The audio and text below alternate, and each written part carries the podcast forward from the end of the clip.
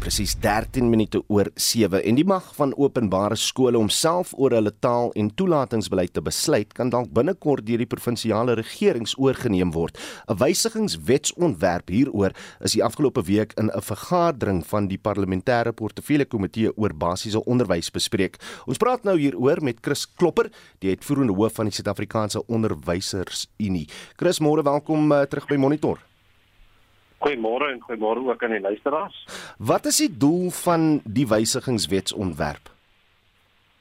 Wel die die wys, wet, wysigingswetsontwerp stel voor dat die taalbeleid van 'n openbare skool is onderhewig aan die gesag van die departement van onderwys. Kom ons lees daar in die die LER vir onderwys wat 'n politieke figuur is. En dit is ons standpunt dat hierdie wysigingswetsontwerp besuiwer daarop gemik om Afrikaanse skole te dwing om hulle taalbeleid te verander. Ons het 24000 skole in Suid-Afrika. Vir 22000 van daai skole is dit hoegenaamd nie 'n probleem nie. Hierdie is absoluut gemik op die Afrikaanse skole en daar by ons geen twyfel hierdie is 'n teruggryp na die 1976 model van skole waar ons nie meer gaan praat van 'n openbare skool nie maar staatskool wat onder die direkte beheer en mikrobestuur van onderwysdepartement sal staan. Hoekom sal hulle dit wil doen?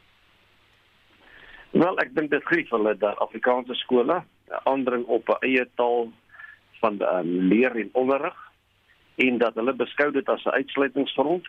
Dit is nie 'n uitsluitingsgrond nie. Daaroor het die Ermelo 'n um, saak wat in die konstitusionele hof gedien het baie duidelik um, aangedui dat indien daar kapasiteit is by 'n skool, dan kan 'n skool nie weet jy dit regverdig dat hy ander leerders uitsluit nie. En ons is gemaklik met daai beginsel.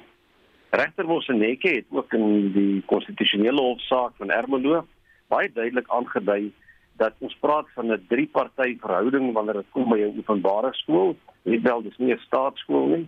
En dit is die, dit is die departement van onderwys, dis die ouers en die skool self. As jy die ouers uit daai drie-poot stoel skool uithaal, hmm. dan val daai stoel om en is daar nie meer sprake van 'n openbare skool nie. Dit dit grief ons. Ons het dit al 5 jaar gelede gesê baie mense het vir ons gesê ons skree wol wol en nou is dit sulke tyd en dit is tyd dat ons hierdie saak aanspreek. Ons is besig om dit aan te spreek. Ons het gevra vir 'n dringende vergadering met die minister van onderwys. Ons het 'n vergadering gehad in die Afrikaanse gemeenskap wat insluit bruin en wit Afrikaanse leiers en ons behoort om hierdie saak aan te spreek.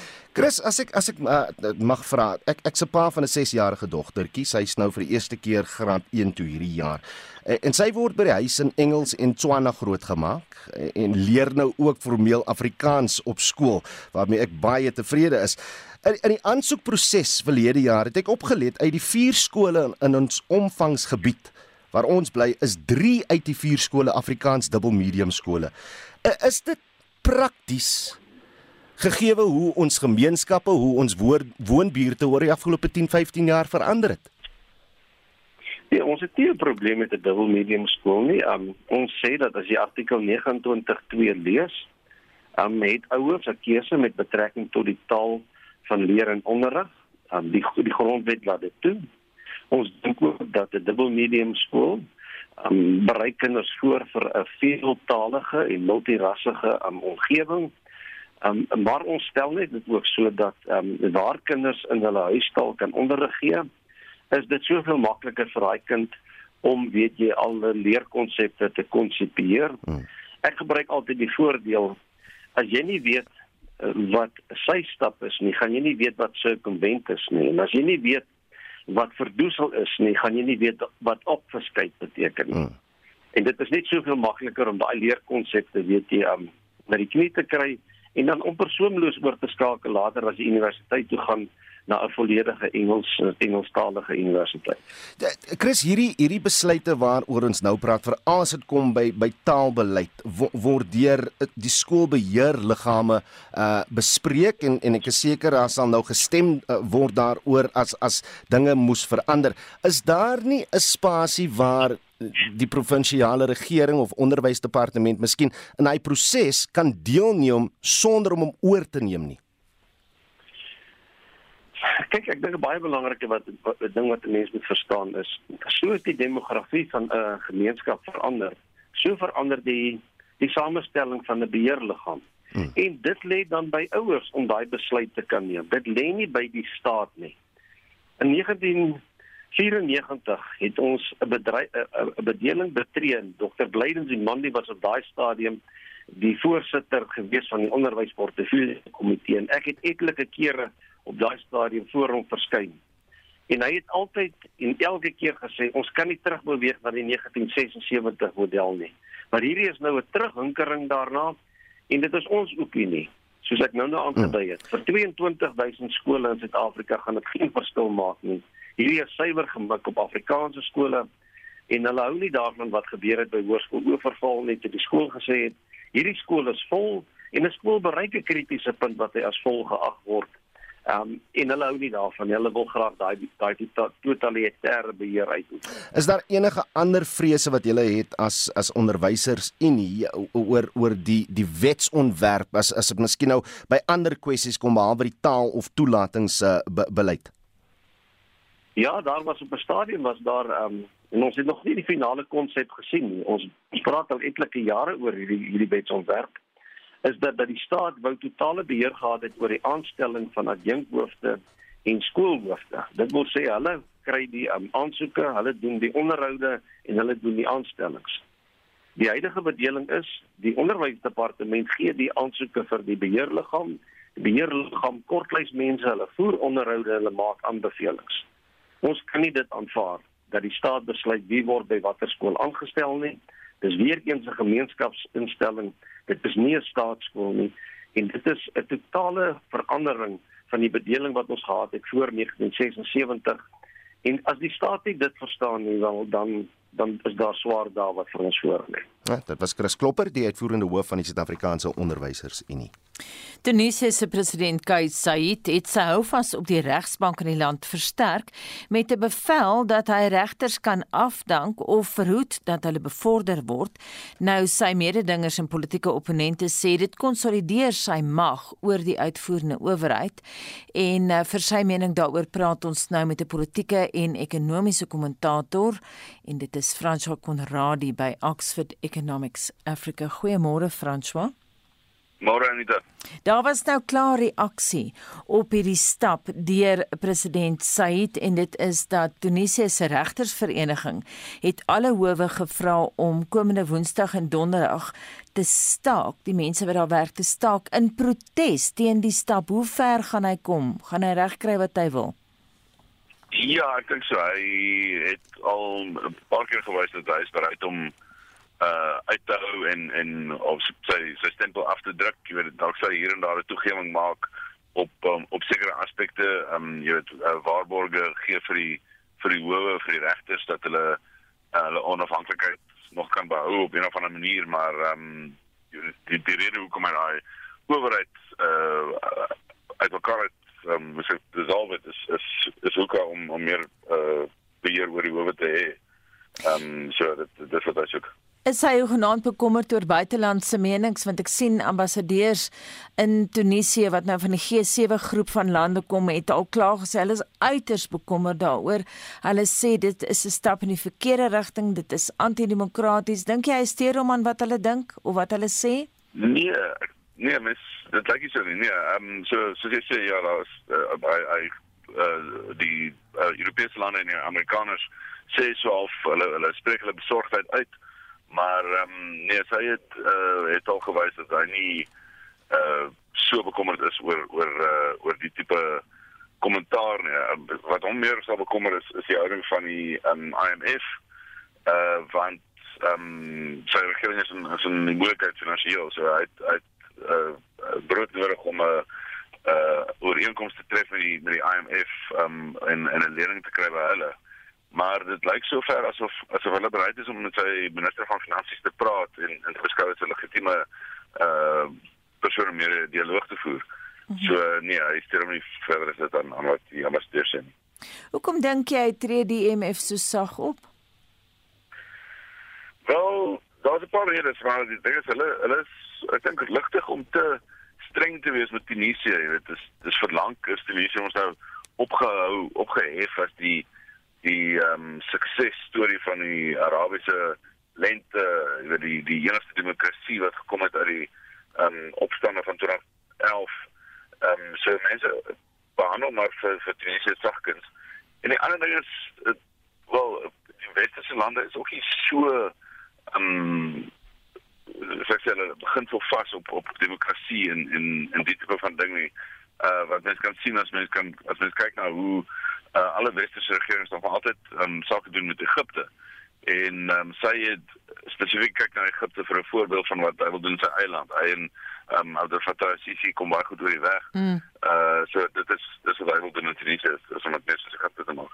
Fransjo, ek sien nou vanoggend die BBC haal hom aan wat hy net sê, kyk, ek probeer van korrupsie ontslaa raak. Hoe groot probleem is korrupsie in Tunesië?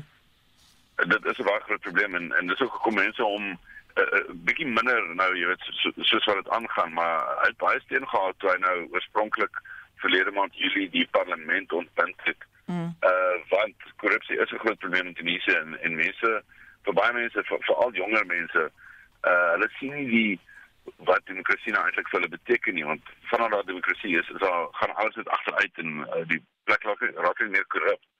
En ehm um, daar is regtig 'n wesenlike probleem gewees met met regters wat ehm um, korrup is A en B ehm um, politieke uh doelwitte, jy weet uh, op 'n politieke manier uh 'n beslissings ge, gedoen het.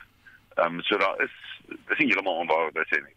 Jy sê nou die jeug is bekommerd oor korrupsie. Ons het ook gesien dat uh, baie Tunesiërs gister die strate ingevaar het om te betoog. Hoe lank kan ons hmm. verwag dat hierdie betogings gaan aangaan, François?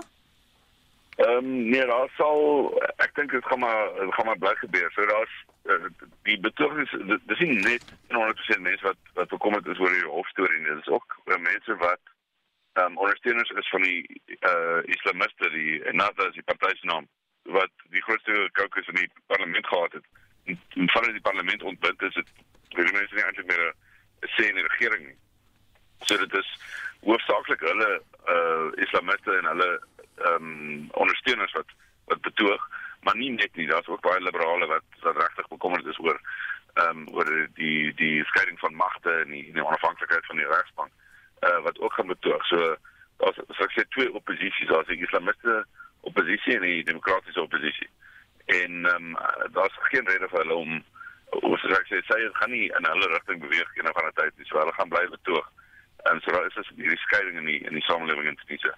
Hoe bekommerd is Tunesië se buurlande oor die situasie daar? Nee, ek dink hier is so bekommerd is. Ek sê die die Egiptenare kom goed of of as ek sê die Sisi se regering mm. kom goed oor weg met met Tunesië.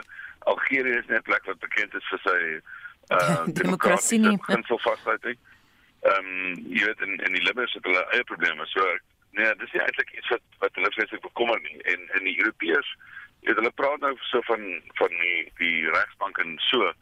Maar vir hulle is dit meer belangrik dat Tunesië stabiel bly want hulle grootste vrees is mos nou ehm um, migrasie. Wat uh, so hulle is bang vir mm. vir uh, as Tunesië se mekaar stort, dat 'n nou massa migrasie oor die Middellandse See na Europa toe sou wees.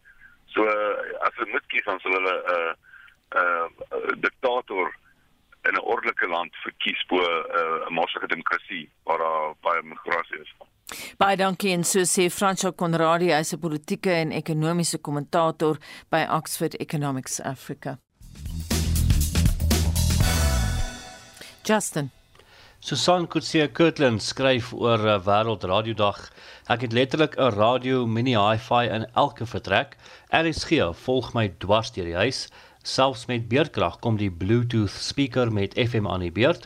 Luister graag potgoeie op my tablet of foon en musiek of nuusprogramme bly gunstelinge, maar dit is lekker om al die interessante geselsies so in die agtergrond te hoor. Ek sal swaar kry sonder radio. So ook skryf Pieter luister op my klok radio reg deur die nag en op my hoë trou toestel deur die dag na RSG en, en ander hang af van die program. En ons luister nou na 'n paar van ons luisteraars se as as 'n voice note terugvoer. Adrian hier so uit Kuwait vir baie van ons vir duisende van ons in die buiteland is RSG baie belangrik. Dis die Afrikaanse stem wat ons aansit elke oggend. Ag, so baie belangrik vir ons. Baie dankie vir julle diens. Shine Boys en hierso van Jimiston. Ja, ek like ook my radio. Ek het 'n boombox wat ek vol charge. Ek luister van 5:00 die oggend tot net na 3:00 in die middag. My gunsteling oproepers is Amorey en dan Anita en Udo, Susan Paxton. Ja nee, ek like man, ek like en Marietta Kreer, altyd op haar pos, altyd reg om uit te help. Julle is my gunsteling. Is Dionie van Richards Bay. In die oggende as ek wakker word met my foon se alarm wat sommer direk RSG toe gaan, luister ek aanlyn. Christina D. My gunsteling is by verre 'n eie keuse deur Willem. Oggendstemming is die gros en dan ook vers en klank. Andrew van Mafikeng. Sedertdien my TV nou meer as 3, 4 jaar nie werk nie. As ek RSG. Al die omroepers is fantasties. Maar as ek nou name moet noem, Udo. Môre Udo. O, oh, daai pink dag cricket jou persoonlikheid en die manier hoe jy dit aanbied. En eh uh, Lenet, o vader, dit is nou my favourite lady day. My naam is Joshua, ek bly in uh, die Oosrand. Kyk glad nie meer TV nie, so Radio Sonder Grense is my gunstelingstasie. Ek het 3 radio's wat op batterye is en hulle hardloop 24 ure 'n dag. Nou laat weet ons wat radio vir jou beteken op ons SMS lyn by 45889. Dit kos R1.50 per SMS of jy kan ook 'n stemnota stuur na 076 536 6961 of praat saam op die Monitor en Spectrum Facebookblad.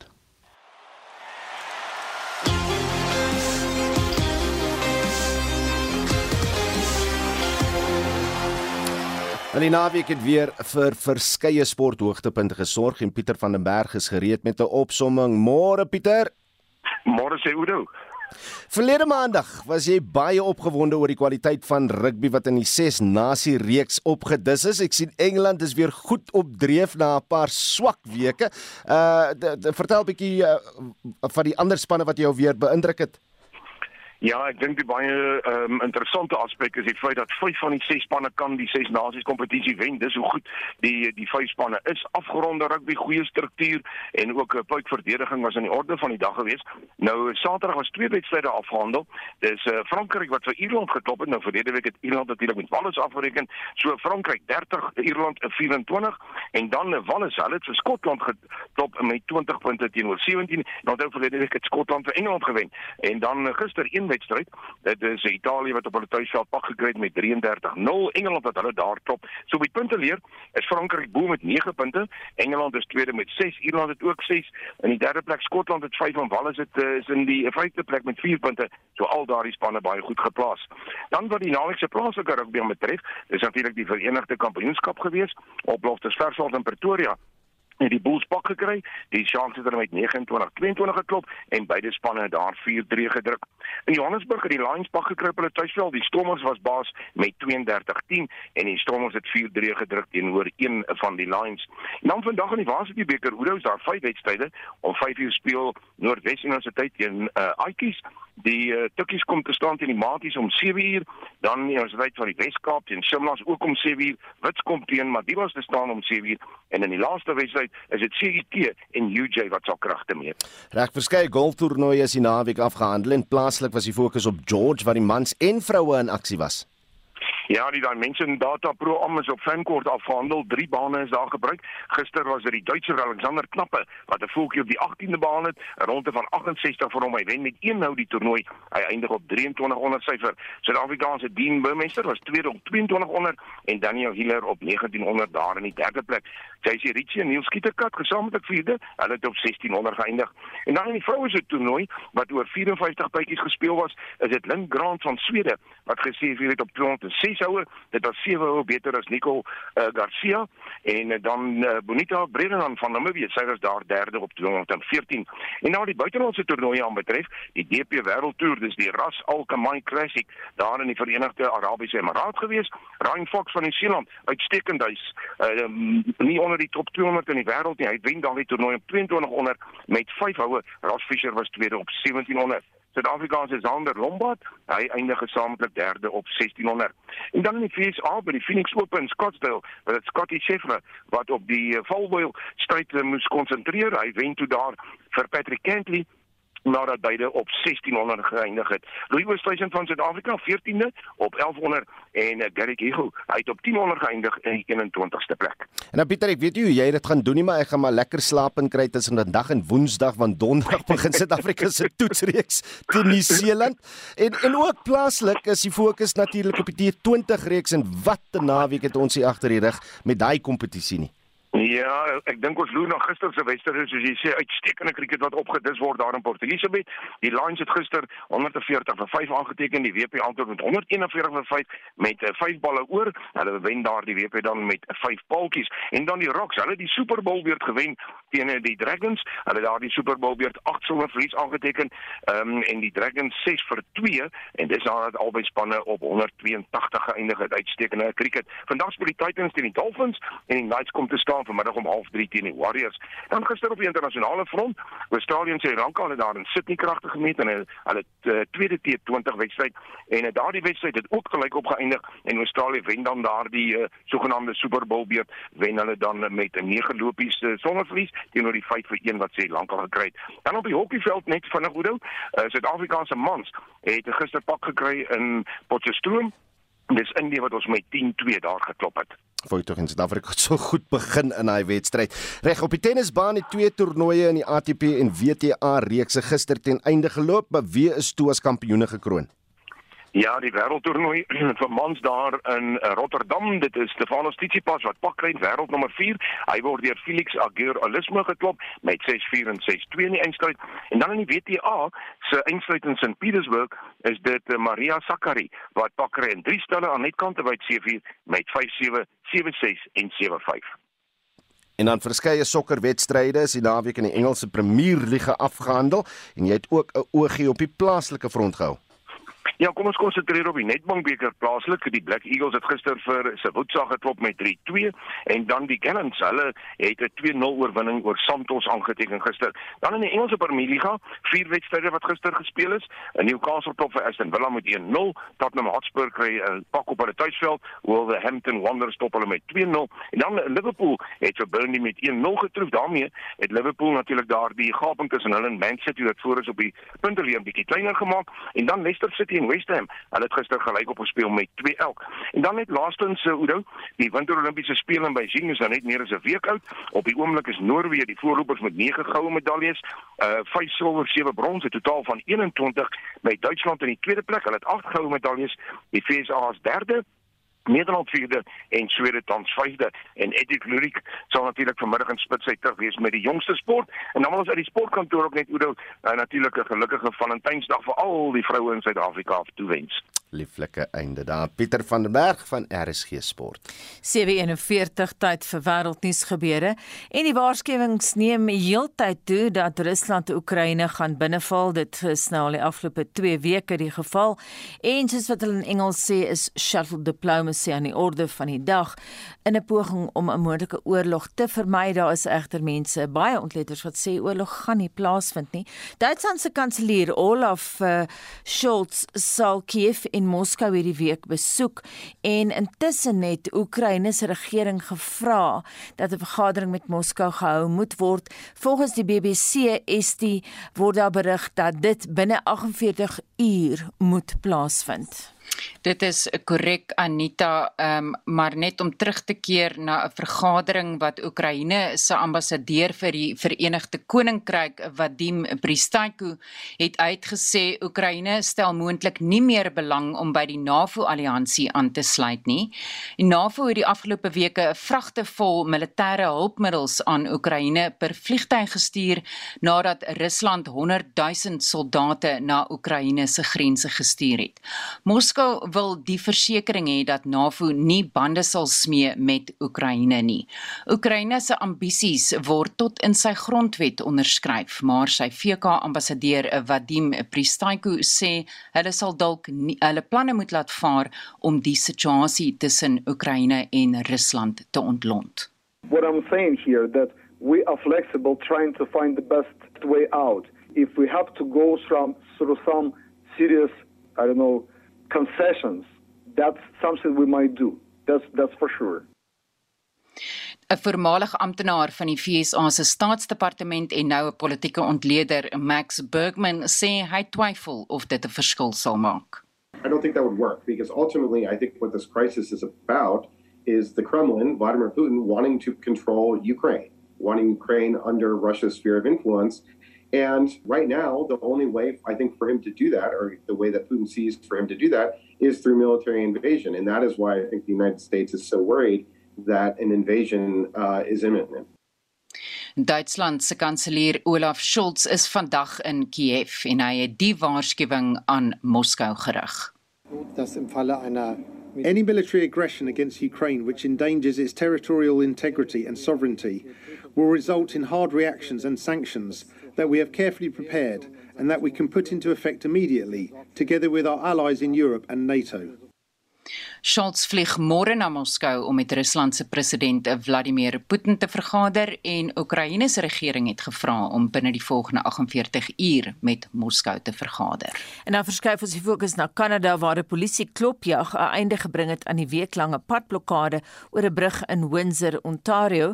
Dit is die besigste brugroete tussen Kanada en die FSA en die padblokkade is deel van die 2 week lange protesoptog deur vragmotorbestuurders wat gekant is teen Kanada se COVID-19 maatreëls. Hulle praat daarvan verpligte inentings wat hulle nie wil hê nie.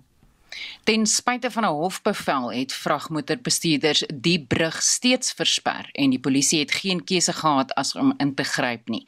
Die brug kon egter nou weer oopgestel word. Hier is Windsor in Ontario se burgemeester Drew Dilkins. The financial impact, you know, to now is is nearing 3 billion dollars on our national economy. That's huge. Ontario het 'n noodtoestand verklaar nadat die hofbevel teen die vragmotorbestuurders uitgereik is en hier is een van die vragmotorbestuurders. I was hoping it wasn't going to end like this. I was hoping the police would allow us to continue to peacefully protest. The bridge is really important, but our lives are important. Die polisie het 9 mense in hegtenis geneem. Die brug is wel weer oopgestel, maar die res van die protesoptog duur steeds voort. Kanada se eerste minister Justin Trudeau het Vrydag 'n toespraak gelewer. President Biden and I both agree that for the security of people and the economy, these blockades cannot continue. Dit was Kanada se eerste minister Justin Trudeau. En dit was Estie met 'n oorsig van wêreldnuus gebeure vanoggend. Ons gaan nou na Suid-Afrikaanse nuus toe of liewer Suid-Afrikaanse kommentaar op Wallis se nuus. Wallis se navorsers het in twee indiepte studies van altesaame 7 jaar klinkklare bewyse van chemikalieë bevat in kleefplastiek in otters gekry. Nou vir meer oor daai navorsing, praat ons met professor Henk Bouman van Noordwes Universiteit se departement dierkunde. Goeiemôre Henk. Goeiemôre Anita, doen julle luisteraars? En jy is my gunsteling ook, hoor. Ehm um, kom ons begin uh, net met die eerste vraag. Ek weet jy hou daai navorsing baie goed dop. Hoe gefundeer is die studie? Ja. Dit is baie goed gefundeer. Dit is gepubliseer in Environmental Science and Technology. Dit is hoogs aangeskrewe internasionale wetenskaplike tydskrif is en Emily Odrok uh, van Cardiff Universiteit wat ook hoog aangestelde universiteit is en het gepubliseer is daar geen twyfel oor die uitvindings van die studie. Henk, jy is ontsettend sag. Ek weet nie of jy met uh, elders loop met jou foon nie of nader aan hom praat want jou stem is baie sag. Hulle modus operandi Henk, uh, die studies is nou oor lang tydperke gedoen. Ons praat hier van twee tydperke van van twee vir altesaame uh, 7 jaar, né? Nee? Ja. Uh, dit is uh, um, hierdie otters is opgetel of uh, jy het van verskillende um, maniere hulle dood gegaan het en is in vrieskaste geplaas en ehm um, nou is hierdie monsters beskikbaar vir analises en dit is soos hulle gewerk het. En baie van ons werk so. Ons versamel monsters gebruik het sit in die vrieskas en as jy weer later nodig het dan kan jy gaan in die vrieskas duik of ten minste afskie met instrumente en op hierdie manier kan ons sien wat sien maar 20 jaar gelede die geval was en of daar enige verandering dat die ingetree het sien maar as gevolg van die verbanning uh, van hierdie stowwe of ons kry 'n nuwe stof wat ons bekommerd is en ons kan teruggaan tot 20 jaar terug en kyk of dit toe al in die omgewing was. En kom ons ontleed bietjie die soort chemikalie wat hier ter sprake is. Die een Ja. navorsers, Emily O'Rourke, verwys na meer as 5000 soorte, 5000 soorte chemikalie Ja. wat al in die oseaan gekry is. Verbaas dit jou of is daar soortgelyke studies wat dieselfde bevind het? Nee, het verbaas my glad nie. Ja, daar is so 'n geweldige klomp van hierdie van van, van hierdie stowwe wat beskikbaar is. Die spesifieke groep of klas van uh, substansies waarmee hulle gewerk het is die perfluoroalkyl substansie. Uh en die is geweldig stabiel in die omgewing. Dit is langketting koolstof met elke waterstof vervang met 'n fluoratoom. En die ander kant is soort van 'n sepie. Uh of uh, wat wat ehm um, die dit 'n oppervlakmiddel maak 'n uh, surfactant noem dit Engels. Ehm um, en jy sien baie produkte staan daar surfactants op en dit is een van die probleme daarvan. Uh hierdie is goed is soos ek gesê baie persisterende omgewing wat baie baie lank af te breek. Dit akkumuleer in mense en in diere. Dit is toksies en en staan algemeen bekend as die forever chemicals. Uh wat nogal 'n uh, redelike ehm um, probleem is veral in Amerika en ander ehm um, by die fabrieke waar dit gemaak is, maar ook by lughawens want hulle maak die skuim, die smoorskuim wat hulle brande mee bestry, sien by vliegtye maak hulle ook daarvan. En hierdie goed loop natuurlik in die grondwater in en dit is 'n in baie plekke in Amerika baie groot probleem. Nou jy was een van 32 wetenskaplikes wat op die Stockholm konvensie se paneel gedien het vir 5 jaar lank en dit het daar gegaan oor die beperking en die verbanning van sekere chemikalieë. Wat het julle reg gekry? Wel, uh, die paneel moes aanbevelings maak na die Stockholm konvensie oor uh, watter middels nog verder verband moet word en hierdie middels die perfluoroalkyl substansie word geweldig wyd gebruik. Uh dis in kleefplastiek of nie kleefplastiek soos in panne, so verder die baie van die mense sal nog Scotch Guard onthou van Mm. vroeger wat vlekwerend is en waterwerend is. Nou dit is dit is onder andere een van hierdie wat verband is. Dit jy kry dan vloed vloedpolitoure en skoonmaakmiddels, gemeermiddels, uh haarprodukte, uh, brandstofbymiddels, uh pap- uh, papier soos spinbiesakke. Dit is ook 'n pestisied. Dan moet ons weet al weet so skriftig. En ons weet dat die effekte is eh, dit affekteer lewerfunksie, dit affekteer voortplanting, dit affekteer immuniteit. Uh dit sommige vange veroorsaak nierkanker en dan affekteer dit ook uh, cholesterol. Nou op grond van hierdie kombinasie van uh, faktore gebruike en dat dit geweldig ver versprei nie net in water nie ook deur lug. Ehm um, net die paneel wat van net dan die voorreg was om lid te wees en genomineer wat in Suid-Afrika om hierdie uh, uh, om van hierdie produkte te verbân. Nou daar's ook studies in Suid-Afrika gedoen wat bevind het dat vroue in hulle borsmelk van hierdie plastiek chemikalieë al het. Weet jy meer daarvan? Ja, in Suid-Afrika, ehm onder andere in Borsmelk, en dit is van uh, Western Pretoria, dit is by die hospitaal van Borsmelk versamel georganiseer. En hulle deel wat van hierdie gepersonaliseerde substansie gekry in die borsmelk. Nou by die mense is anders so as as by diere snaaks genoeg in hierdie geval. Dis as jy die toetse doen op rotte kry jy ander effekte en baie lae vlakke by dieselfde dosis as by mense. En by mense lyk dit asof die goed her absorbeer word uh, by die niere byvoorbeeld en daar's ander meganismes ook. Dit bly in die mens. En dit kan net uitgaan via borsmelk en ehm um, bloed en so aan. Uh dus die mense die die halfleeftyd van hierdie goed in mense is geweldig lank. En ehm um, borsmelk is een van die goed wat dit uitlaat. Maar ongelukkig beland dit dan in babas en een van die middels sien ek oorskry ehm um, sekere vlakke wat die mens sou ehm um, gevaar sou verwag.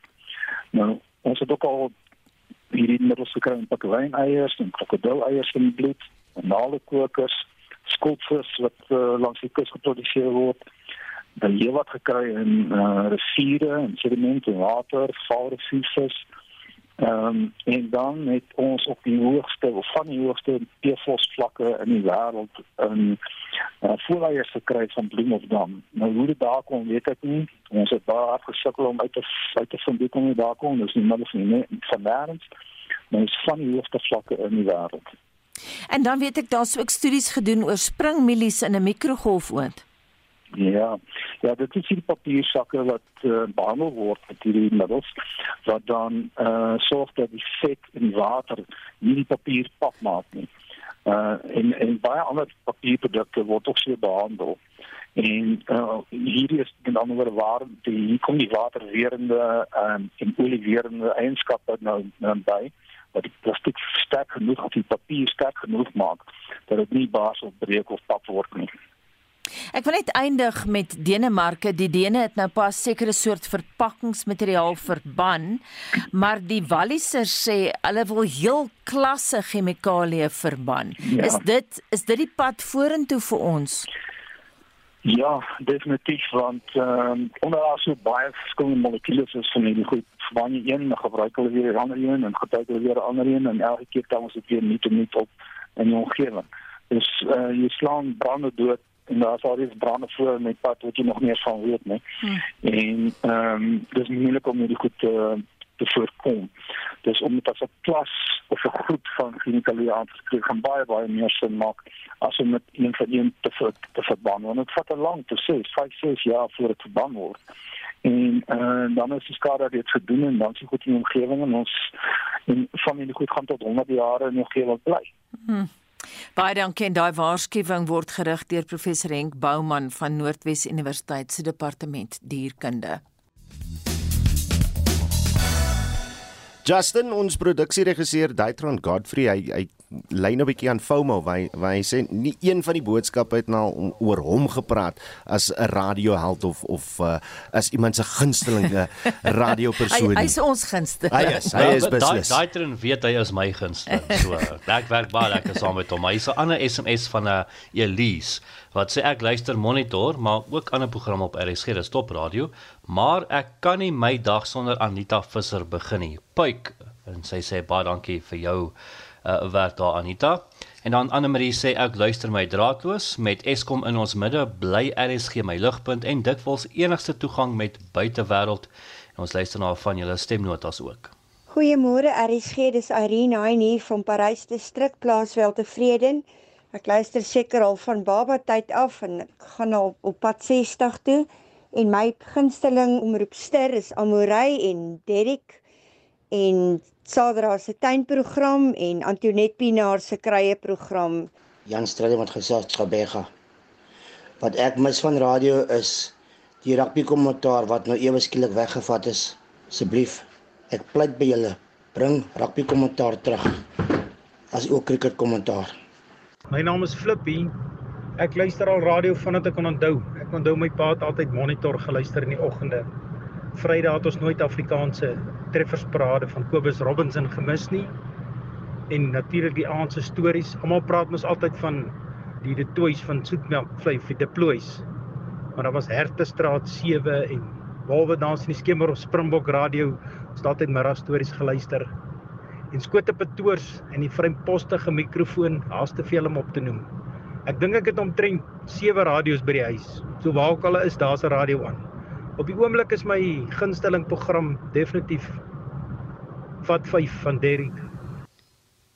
Nou Johan Botha skryf uh, my radio word soggens aangesit op RSG en bly heeldag op die stasie. So bly mens ingelig van alle gebeure wat noodsaaklik is. RSG is tops en al sy omroepers ook. Uh, Willem Viljoen, jou ou doring, skryf hy en die laaste woord vanoggend gaan aan Jopie van Vryheid. Hy sê radio is die beste medium ter wêreld. Baie dankie vir julle saamgesels vanoggend.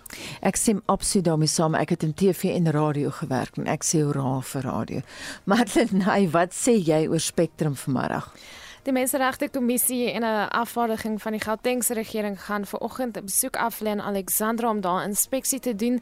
Ons kry ook reaksie op die beplande wysigingswetsontwerp op basiese onderwys wat aan die regering meer mag as skole gee wat die taalbeleid betref. En wat gaan gebeur met die dra van maskers wanneer die ramptoestand opgehef word? Dit het meer op Spectrum vanmiddag tussen 12 en 1. Onthou nou vorige uitsendings van Monitor is op RSG se webblad as 'n potgooi beskikbaar. Gaan net na www.rsg rsg.co.za. Ons groet namens ons uitvoerende regisseur Nicoline de Wee, die redakteur vir oggend Jean Esterhuizen, ons produksieregisseur Daitron Godfrey, ek is Anita Visser en ek is Udo Karlse. Totsiens.